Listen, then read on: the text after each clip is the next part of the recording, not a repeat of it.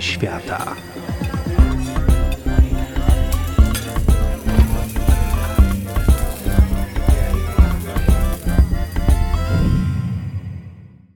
Dzień dobry. Dzisiaj długo oczekiwany i zapowiadany odcinek o keczupie. I sprawa pierwsza, czy mówi się ketchup, czy ketchup.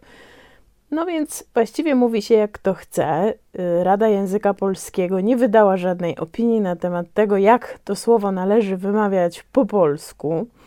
Ja lubię mówić ketchup, bo jakoś wydaje mi się, że to jest taka prostsza nazwa niż ketchup, ale absolutnie obie formy są poprawne. No więc skoro już uporaliśmy się z kwestiami językowymi, to możemy przejść do tego, co jest kluczem naszej audycji, czyli kwestii kulinarnych. A w kwestiach kulinarnych trzeba przyznać, że ketchup jest daniem, czy dodatkiem, czy przyprawą dosyć niesamowitą. Bo nawet najbardziej pusta, kawalerska lodówka grzechocze przy otwieraniu butelką ketchupu stojącą w drzwiach. W Stanach Zjednoczonych 97% gospodarstw domowych raportuje, że mają na stole butelkę ketchupu. Czyli można spokojnie powiedzieć, że wszyscy Amerykanie. Ale okazuje się, że ketchup absolutnie nie jest potrawą, która wywodzi się z Ameryki czy ze Stanów Zjednoczonych. Ketchup pochodzi z chińskiego słowa ketchup. Niestety nie wiem, czy dobrze je wymawiam, ale generalnie jest to nazwa sosu, który tworzy się z fermentowanych ryb. Najprawdopodobniej handlarze, którzy prowadzili wymianę pomiędzy Wietnamem a Chinami, przywieźli ten sos do Chin. I może tutaj argument dla osób, które mówią ketchup, że właściwie poprawniej byłoby mówić ketchup. Z, oczywiście z Chin do Europy ketchup przywieźli Brytyjczycy. Przywieźli go i w 1732 roku możemy znaleźć pierwszy brytyjski przepis na ketchup, który y, zresztą jest promowany jako sos z Indii Wschodnich. No ale to nie był na pewno ten ketchup, który my znamy. Y, Większość tych y, przepisów z tamtych czasów brytyjskich mówi, że składniki tego keczupu to są grzyby, orzechy laskowe, ostrygi albo nawet anchois, czyli sardele. Więc naprawdę zdecydowanie był to zupełnie inny sos. Podobno keczup grzybowy był ulubioną potrawą Jane Austen, tej pisarki odrozważnej i romantycznej. No ale w dużym skrócie te wczesne keczupy były takie cienkie, wodniste i ciemne. Dodawało się je do zupy, do mięsa, do ryby. Myślę, że bardziej przypominały takie nasze magi. I przede wszystkim nie były czerwone. To się wszystko zmieniło, kiedy na scenę europejską wkroczył pan Pomidor. Pan Pomidor zmienił oblicze keczupu. W 1812 roku pojawia się pierwszy, pierwsza wzmianka y, o keczupie z pomidorem, który mm, nazywany jest przez Jamesa Misa, y, osobę opisującą właśnie tę potrawę, jako jabłko miłości. W tym przepisie znajduje się pulpa z pomidorów, przyprawy, brandy, ale nie ma octu ani nie ma cukru. No i teraz należy się zastanowić, co wpłynęło na to, że ketchup jest taki popularny, oprócz oczywiście całkiem przyjemnego smaku. Więc na pewno częścią jego popularności było to, że bardzo dobrze się go przechowywało. Można było długo przechowywać ketchup przez zimę i mieć trochę smaku pomidorów zimą. Niestety również y, zaczęto dodawać różne już w XIX wieku substancje, które pozwalały zachować dłużej świeżość, a przede wszystkim kolor. I takim kluczowym składnikiem dodawanym do keczupu był benzoesan sodu. To jest taki y, związek chemiczny, który ma działanie grzybobójcze, bakteriobójcze i opóźnia różne procesy wynikające z długiego przechowywania żywności.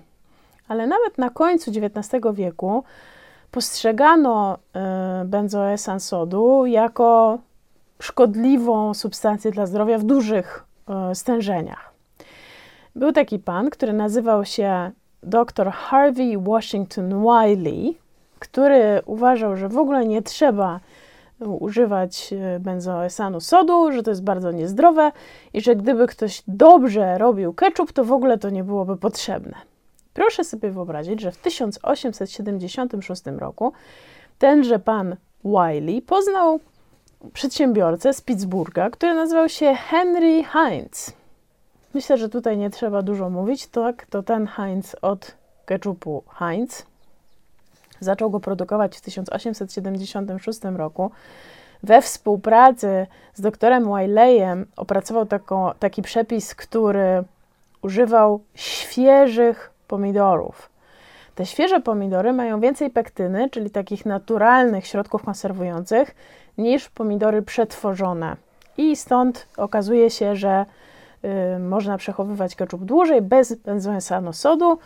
Heinz też zaczął dodawać ocet y, do ketchupów, co też sprawiło, że y, trzymały się dłużej i przede wszystkim miały ładniejszy kolor.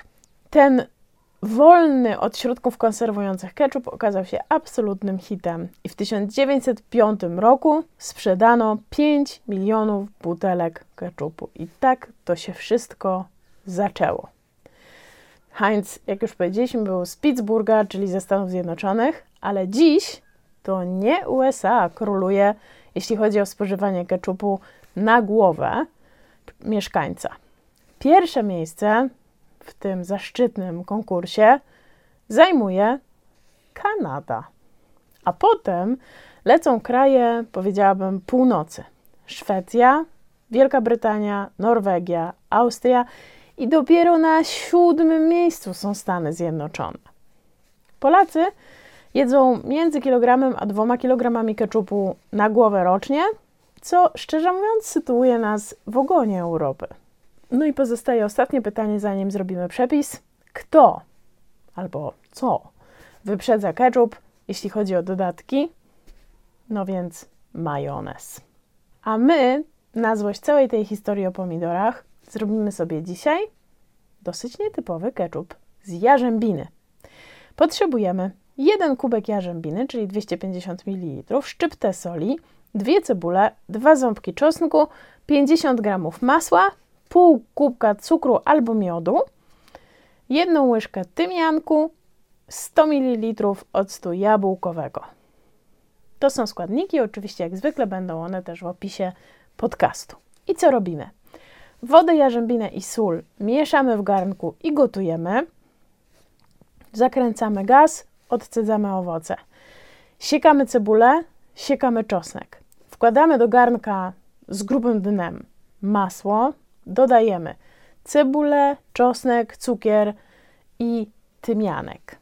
Tymianek może być y, zastąpiony macierzanką piaskową i, i, i, wtedy robi się w ogóle bardzo ziołowo i bio i eko.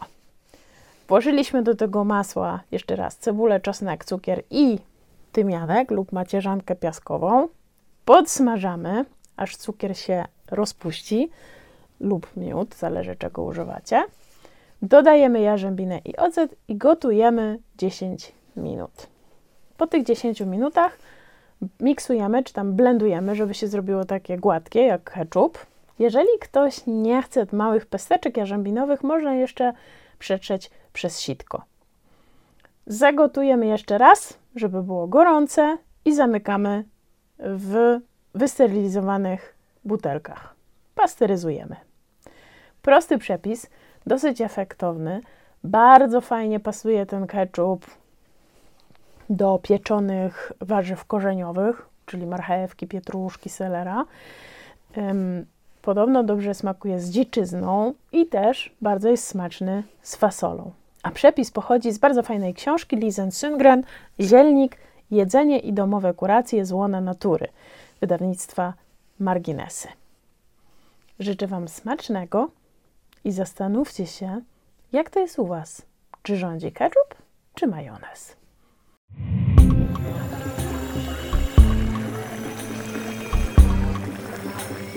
Kuchnie świata.